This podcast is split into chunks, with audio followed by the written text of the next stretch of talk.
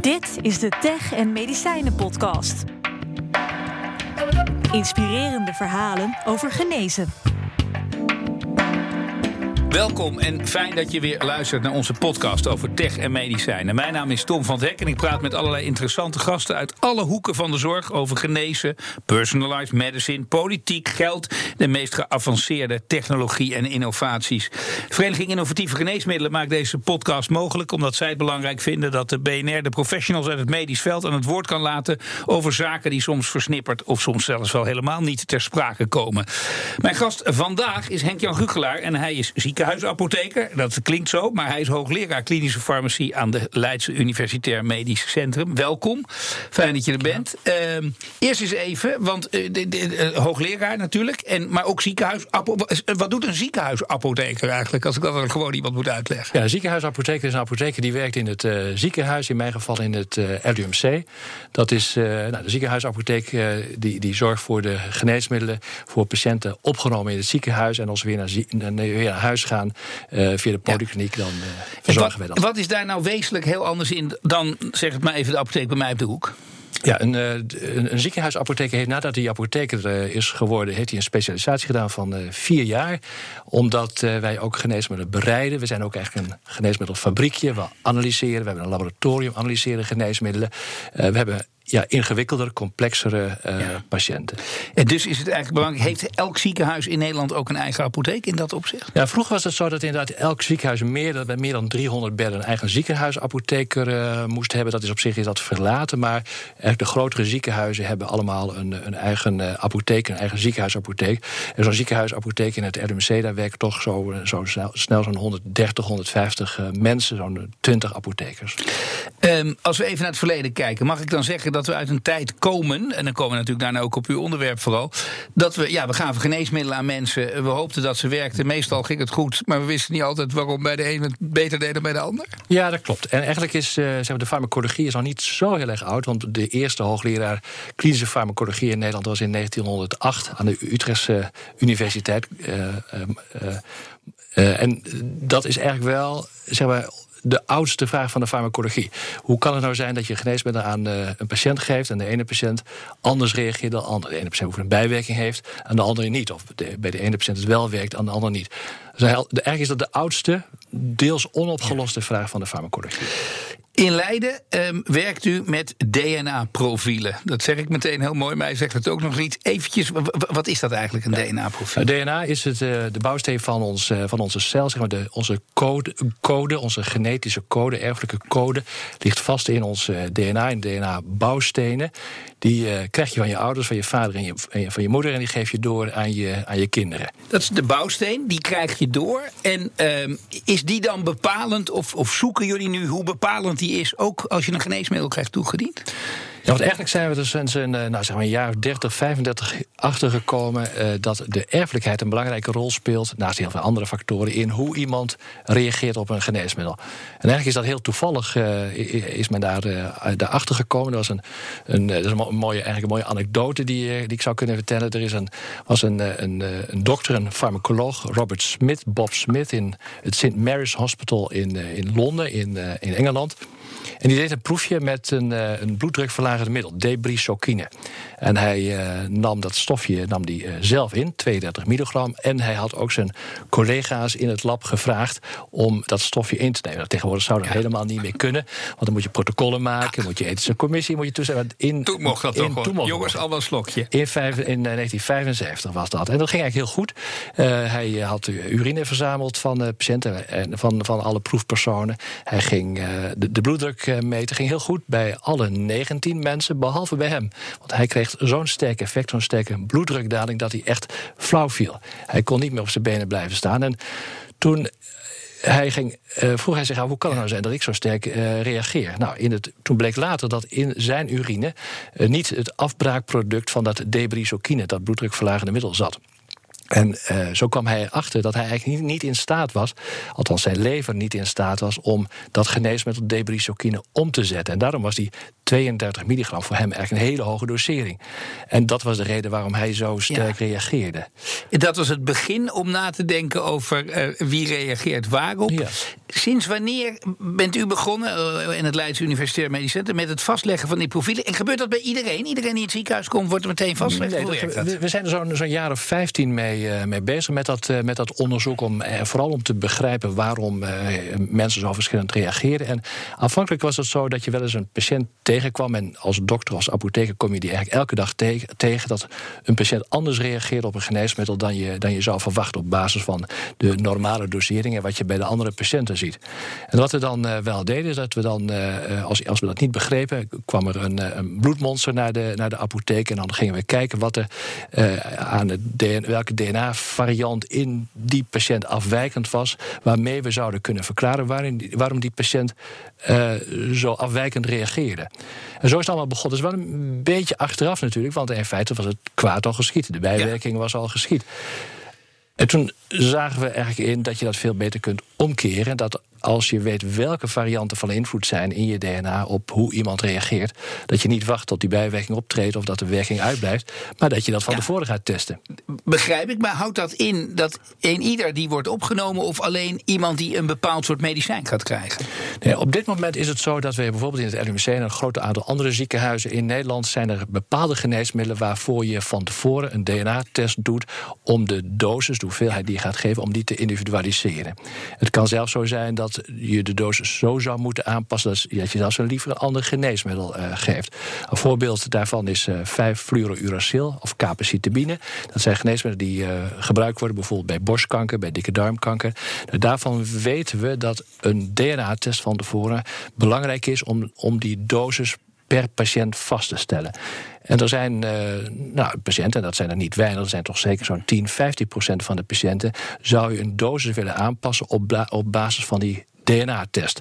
En die dosis moet je dan bijvoorbeeld halveren. Of je moet 75% de dosis verlagen. En dat kun je nu van tevoren zien. Door die DNA-test krijg je informatie waarin je kunt voorspellen hoe iemand gaat reageren. Dan. Ja, dus als wij een patiënt hebben die, de, een van die, die, die dat middel krijgt voorgeschreven, gaat er eerst een bloedmonster naar de apotheek. Bepalen we zijn DNA-profiel voor dat gen wat daarvoor belangrijk eh, is. En aan de hand daarvan bepalen we de individuele dosis. En ja, waarom doen we dat? Daarmee voorkomen in dit geval uh, bijwerkingen die, die patiënt, bij die patiënt bij de volle dosis zouden optreden. Uh, dit is bij bepaalde geneesmiddelen, waarvan al iets bekend is. Gaan we naar een tijdperk toe zonder u vastleggen op, op een tijdbalk, maar dat het gewoon gemeengoed wordt, dat we allemaal ons eigen DNA-profiel hebben. En dat, dat, is dat ook, gaat dat ooit komen? Dat is, dat is de volgende stap. En daar hebben we ook in, uh, in, in Nederland een aantal pilots mee gedaan en een groot Europees project. Want we weten inmiddels dat er zo'n 50 geneesmiddelen zijn en zo'n 50 varianten in je, in, je, in je DNA die je eigenlijk zou uh, moeten testen voor die 50 middelen.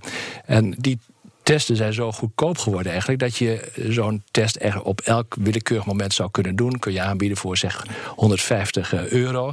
En dan geef je zo'n patiënt geef je een, uh, een DNA-paspoort.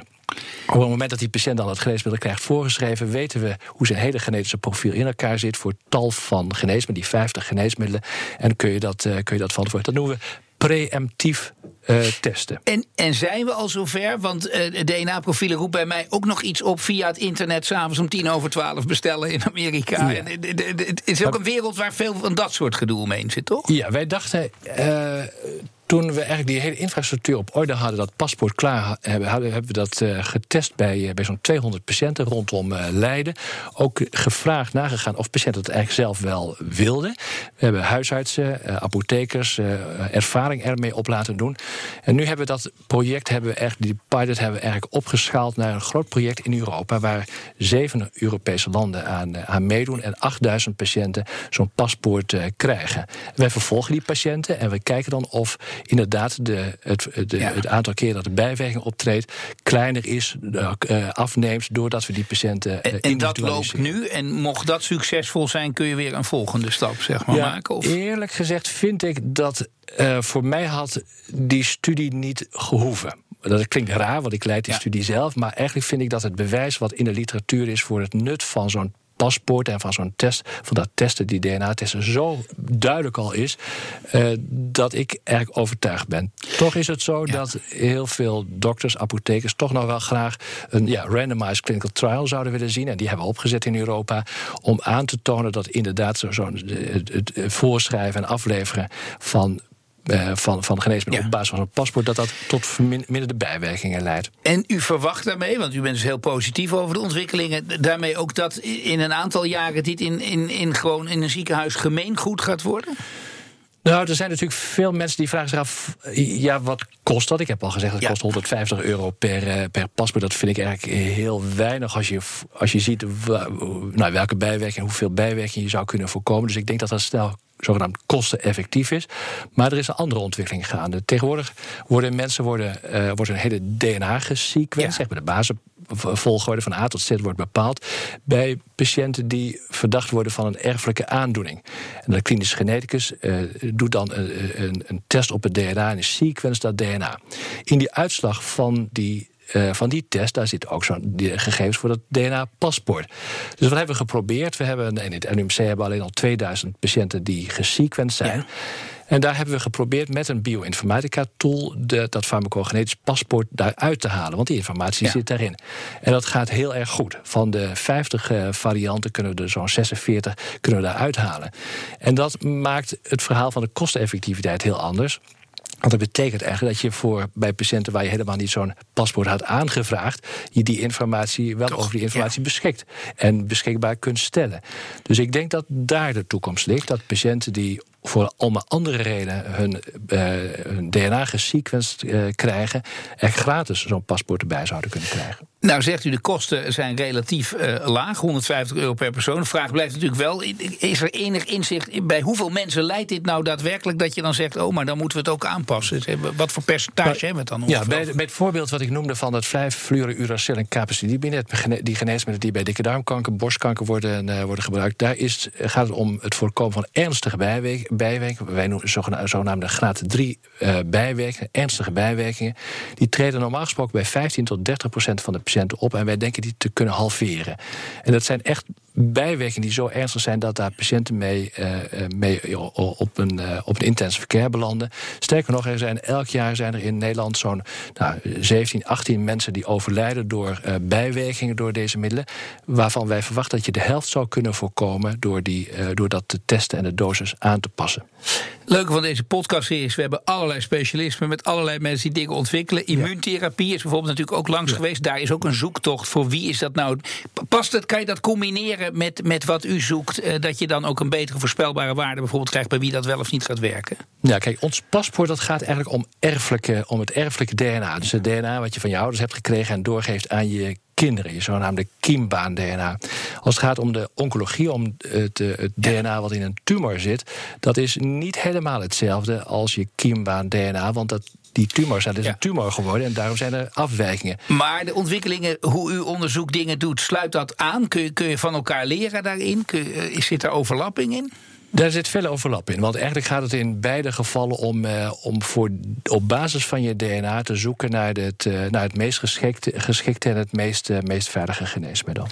Nog heel even, want uh, infrastructureel moet je misschien ook van alles aanpassen. Moet je veel aanpassen om zo'n DNA-paspoort te maken? Ziet het er in Leiden heel anders uit dan in ziekenhuis het niet doet? Nee, eigenlijk is dat niet het, niet het geval. Nederland loopt geweldig voorop op het gebied van personalized medicine. We hebben in Nederland richtlijnen, farmacogenetica richtlijnen, al sinds 2005. En die zitten in een nationale uh, database. Die wordt gebruikt door alle voorschrijvers. Dus elke dokter die met zijn computer voorschrijft. Elke apotheker die met behulp van een computer geneesmiddelen aflevert. dat systeem zit en draait in alle Nederlandse uh, voorschrijfsystemen. Alle Nederlandse apotheken. Dus die infrastructuur die is geweldig goed op orde. Dus als een patiënt zijn zijn of haar profiel bekend is. En dat staat in het elektronisch patiëntendossier. Dan kan de arts en apotheker daar al rekening mee houden. U doet dit werk, dat roept natuurlijk ook allerlei interesses op in de velden om u heen. Laten we een paar grote partijen nemen. Zijn zorgverzekeraars eh, erg enthousiast over uw werk? U heeft zoiets al eens opgeroepen, gaat vergoeden. Ja. Dat gebeurt geloof ik nog niet, hè? Nee, dat gebeurt er helaas nog, uh, nog niet. Uh, wij zijn in overleg met zorgverzekeraars. Wij willen aan hen graag laten zien dat wij hiermee kosten kunnen besparen, maar vooral dat wij de, de behandelingen met geneesmiddelen effectiever en vooral veiliger kunnen maken. En Ehm, ja, zorgverzekeraars zijn terecht uh, geïnteresseerd in de kosteneffectiviteit daarvan, voordat ze daarin uh, die, die, zo'n paspoort gaan, gaan vergoeden. En dat maakt ook onderdeel uit van onze Europese studie. En dan eh, de, de, grote farmaceutische firma's, want die kunnen hier in een bepaalde manier ook hun voordeel mee doen. Want die kunnen effectiever gaan, uh, gaan geven aan wie wel en wie niet. Zijn die juist in geïnteresseerd of denken die, nou, dat moet u maar uitzoeken? Nou, een jaar of dat, dat verandert sterk. Een jaar of 10, 15 geleden was de farmaceutische industrie nog niet zo geïnteresseerd in personalized medicine. Dat had te maken met het feit dat men nog leefde in de gedachte dat je een blockbuster maakt. Dat je geneesmiddel kunt maken wat voor alle patiënten met een bepaalde klacht uh, werkt. Nou, dat blijkt inmiddels niet waar te zijn. En men was natuurlijk bang dat als je een test gaat maken die aantoont wie wel en wie niet het geneesmiddel moet krijgen, dat dat ertoe leidt dat je uiteindelijk ja, je segregatie van de markt krijgt. Dat je, en niet dat geneesmiddel die blockbuster voor iedereen uh, kunt gebruiken.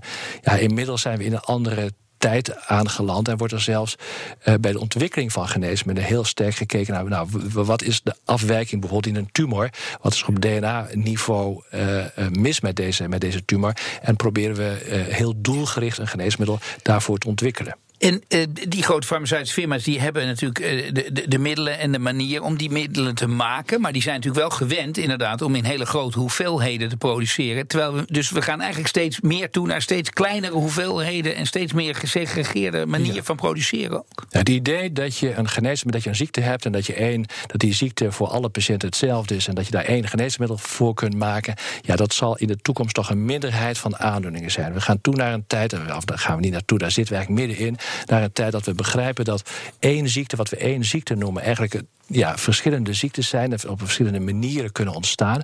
En dat je daarvoor een andere behandeling moet hebben. Dus die groepen worden inderdaad kleiner. En betekent dat ook dat anderen dat, dat gaan produceren? We zitten natuurlijk al hier en daar in die discussie. Ik hoef niet die hele discussie op te rakelen, maar soms is het zo kleinschalig dat je het alleen maar heel kleinschalig kan produceren ook. Nou, kijk, of heel specifiek, laat ik het zo zeggen. Ja, kijk, als je een, uh, die groepen worden kleiner, zeiden we. Als die groep heel erg klein wordt en je hebt het over bijvoorbeeld uh, 500 of 1000 patiënten in Nederland met een bepaalde aandoening, dan spreek je van een weesgeneesmiddel. Ja. En dan zou je kunnen zeggen van ja, is dat nog wel iets wat je in het commerciële circuit moet, uh, moet willen brengen? Want als je zeg maar de ontwikkelkosten van zo'n geneesmiddel zou willen omslaan, zou het terugverdienen over die 500 patiënten in Nederland, ja, dan wordt het per definitie heel duur. En ja, ik heb er wel eens voor gepleit om juist dat soort geneesmiddelen voor met een hele kleine, hele specialistische uh, markt, om die uh, bijvoorbeeld bij de academische ziekenhuizen te laten en die daar te laten ontwikkelen. Ze worden daar meestal ontwikkeld, maar ook door hen te laten produceren in zo'n ziekenhuisapotheek. Um, als u kijkt, u ontwikkelt in uw gebied, u doet dat op internationaal, hè, want u is een internationaal onderzoek. We hebben hier allerlei specialismen langs gehad. Raakt dat elkaar allemaal? Treft u elkaar veel? Of zit iedereen nog redelijk in zijn of haar eigen koker te ontwikkelen? Want ergens gaat het elkaar allemaal kruisen. Hè? Ja, kruist elkaar allemaal, het raakt elkaar allemaal. En daar, ik denk dat de nationale wetenschapsagenda daar geweldig op goed heeft op uh, ingespeeld. Er is, uh, er is uh, een, een call geweest, een subsidieronde om personalized medicine in Nederland in te voeren. En daar gaat het juist om, om het bouwen van consortia, om het samenbrengen van, van allerlei onderzoekers en, en beroepsbeoefenaren die met dit onderwerp bezig zijn. En ja, vanuit Leiden zullen we ook een, een, een aanvraag doen om, om een consortium, een Nederlands consortium voor personalized medicine te bouwen. We hebben natuurlijk ook het verhaal van de, de EMA die hier naartoe komt, het Europese Medicijnagentschap. Is, is dat, ik hoor alleen maar iedereen uitleggen dat het heel fijn is. Maar leven, ja. we hebben meer kansen en al die uh, Nederland op de kaart. Maar bijvoorbeeld in, in uw geval, denkt u nou, ha fijn die komen, dat, dat, dat geeft ons een extra kans? Nou, ik, ik, denk dat het een kans is. Dat het een, een winst is dat ze in Nederland zijn, uh, zijn geland. En dat het maakt natuurlijk de lijntjes naar zo'n EMA uh, uh, korter. Waardoor we veel beter met hen kunnen samenwerken nog. Maar er speelt, als het gaat over registratieautoriteit en personalized medicine... speelt er wel een ander probleem. Kijk, we zijn gewend om studies om effectiviteit van geneesmiddelen aan te tonen... door dat in, in, in honderden, ja. duizenden patiënten uit, te, uit, uit te testen. Als we het hebben over personalized medicine, zeg maar in ultra Timo is personalized medicine, is eigenlijk elke patiënt het beste geneesmiddel geven. Ja, dan zullen we met kleinere groepen moeten werken. De vraag is hoe je een goed studiedesign kunt maken om dan de effectiviteit van een behandeling. Dan gaat het niet zozeer om de behandeling, maar om de benadering van personalized. Hoe je dat wilt aantonen. En dat is nog wel ingewikkeld, want dat is nog echt iets wat ja, ontwikkeld moet worden, ook in, in, zeg maar, in de methodologie, hoe, je dat, hoe je dat aantoont. En dan zo'n behandeling geregistreerd krijgt door de EMA. Of, ja. Ik keer nog even terug naar de samenwerking. Want ik weet dat u een groot voorstander van samenwerking bent. Volgens mij heeft u ook de Onderwijsprijs 2017 in ontvangst En die ging mede eh, ook over dit, hè? Over, nou, dat ging, we, zijn in Leiden zijn, uh, zijn we een, uh, een nieuwe farmacieopleiding, apothekersopleiding uh, gestart. Je kunt in, in Nederland, in Groningen en in Utrecht Universiteit kun je apotheker worden. Um, dat is een, zijn beide opleidingen, hele goede opleidingen overigens in, in beide steden, maar ingebed bij de faculteit wiskunde en natuurwetenschap. Dat is een hele natuurwetenschappelijke opleiding. En dat is ook heel goed, want ons vak is ook heel natuurwetenschappelijk. Aan de andere kant is ons vak de afgelopen jaren enorm veranderd richting behandelaarschap. En daarom hebben we in, zijn we in, uh, in Leiden een nieuwe apothekersopleiding, derde apothekersopleiding begonnen. Niet zomaar een derde, maar die onderscheidt zich doordat we die apothekersopleiding hebben ingebed bij de faculteit geneeskunde. Want ik vind dat apothekers veel meer als behandelaar zich moeten profileren. Al in hun opleiding moeten samenwerken met geneeskunde.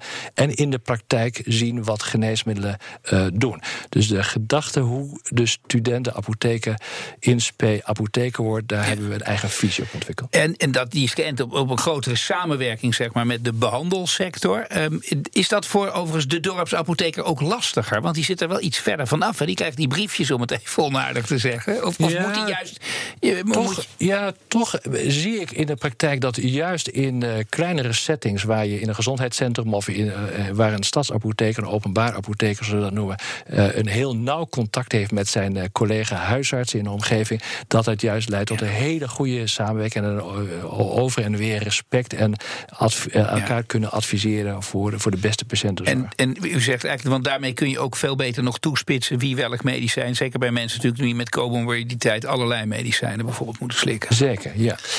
Um, Ten slotte, als ik nog even twee uh, vragen. Eén, als, als u soort moet zeggen op die schaal van, van, de, van, van dat, dat hele DNA-paspoort, zeg maar. Uh, waar staan we? Waar moet ik denken? Waar zijn we onderweg? Zijn we halverwege wat u betreft in de ontwikkeling? Of zijn we al een heel eind? Is nog een kwestie van inbedding? Waar zijn we? Nou, ik denk dat in Nederland, zoals gezegd, hebben we de hele infrastructuur op orde. We weten welke, uh, hoe zo'n DNA-profiel, zo'n paspoort eruit moet, moet, uh, moet gaan zien. We, het enige is, we moeten het nog gaan doen. We weten, we hebben richtlijnen hebben we, er, hebben we ervoor, we moeten het nog gaan doen. En soms begrijp ik niet heel goed waar dat nog op vastzit. Want eigenlijk is de, het bewijs uit de literatuur is zodanig dat het nuttig is om dat te doen, dat je bijna gaat afvragen waarom doen we dat nog niet. Maar komt die weerstand, want daar heeft u vast wel een gedachte over, komt die dan uit dat wet en regelgeving nog niet is? Zijn natuurlijk collega ziekenhuizen die zeggen, nou eerst maar zien, dan geloven. Waar, waar, waar zit het? Nee, er zijn denk ik een paar misverstanden. Eerst, eerste misverstand is dat men denkt dat het gaat over genetica, dat het heel zeldzaam is. Nou, dat is niet zo, want als we naar dat farmacogenetica paspoort kijken, dan is, heeft 95% van de uh, patiënten, van de mensen, heeft tenminste één, wat we noemen actionable genotype. Dus heeft in ieder geval één variant waar je wat mee zou moeten. Dus het is niet zeldzaam. Dat is de eerste misvatting. De tweede misvatting is dat het heel erg duur is. Nou, ik heb u gezegd dat het kost 100, ja. dat is niet duur. Een uh, derde op, uh, misvatting is dat mensen zeggen, ja, dan krijg ik een uitslag van een test en dan weet ik niet wat ik ermee moet uh, gaan doen, hoe ik dat moet interpreteren. Nou, daar hebben we in Nederland richtlijnen voor. Men denkt dat het ver weg is, dat het academisch is, terwijl in feite, als we kijken hoe ver we zijn, het morgen ingevoerd kan. Sterker, het wordt al ingevoerd. En u bent wat dat betreft ook optimistisch in de zin dat u zegt, die die, die overwinnen we en dat gaat er gewoon komen. Ja, ik zie dat uh, uh, bijvoorbeeld bij de Nationale Wetenschapsagenda zijn vragen gesteld, 12.000 vragen door het publiek. Heel veel daarvan gingen over personalized ja. medicine. En de vraag, ja, hoe kan het nou zijn dat, dat we dat nog steeds niet doen en dat patiënten verschillend reageren? Dus het adresseert denk ik ook een heel U had het niet zelf 8000 ingestuurd, Ik heb het niet zelf 8000 uh, Ten slotte vragen wij ook iedereen, al onze gasten, van stel u bent even minister Bruno Bruins van Medische Zorg, ja. want die man krijgt zoveel ongevraagd advies dus wij doen een keer aan gevraagde adviezen. Wat zou u uh, willen, vragen, wensen als, als u op, op, op, zijn post zou zitten? Wat zou u, wat zou u doen? Nou, ik heb, ik heb inderdaad een, een vraag en een wens. En dat is eigenlijk als ik eh, in de hedendaagse gezondheidszorg en technologie zie, dan zie ik dat, er enorm, dat we eigenlijk een hele mooie tijd leven. Er zijn enorme ontwikkelingen op wetenschappelijk gebied, op technologisch gebied, nieuwe geneesmiddelen, nieuwe behandelingsmogelijkheden. Um, dat zit er allemaal aan te komen. Hoe kun je nou als, mijn vraag zou zijn aan, aan minister Bruis, hoe kun je nou als eh, minister zorgen, als overheid zorgen, dat je dat ook snel beschikbaar en betaalbaar beschikbaar krijgt, al die mooie, goede ontwikkelingen bij de patiënt, waar we het uiteindelijk allemaal voor doen. En eh, hoopt u dat hij het ei Columbus heeft? Of, want hij zegt vast vanuit de Ivoren Toren: het veld moet dat mede ontwikkelen. Ja, ik begrijp dat het ingewikkeld is. Maar ik vind dat we de discussie niet moeten laten domineren door, eh, door het geld. We moeten, we moeten eigenlijk heel blij zijn met deze ontwikkelingen en zorgen dat ze ook nuttig toegepast en gebruikt kunnen gaan worden.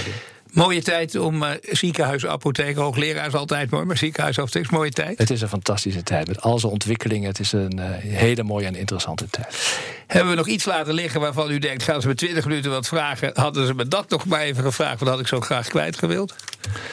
Ik denk dat we heel veel besproken hebben. Oké, nou dan wil ik je zeer danken dat u het gast wilde zijn in onze podcast. Henk-Jan Gugelaar, hoogleraar aan het Leids Universitair Medisch Centrum.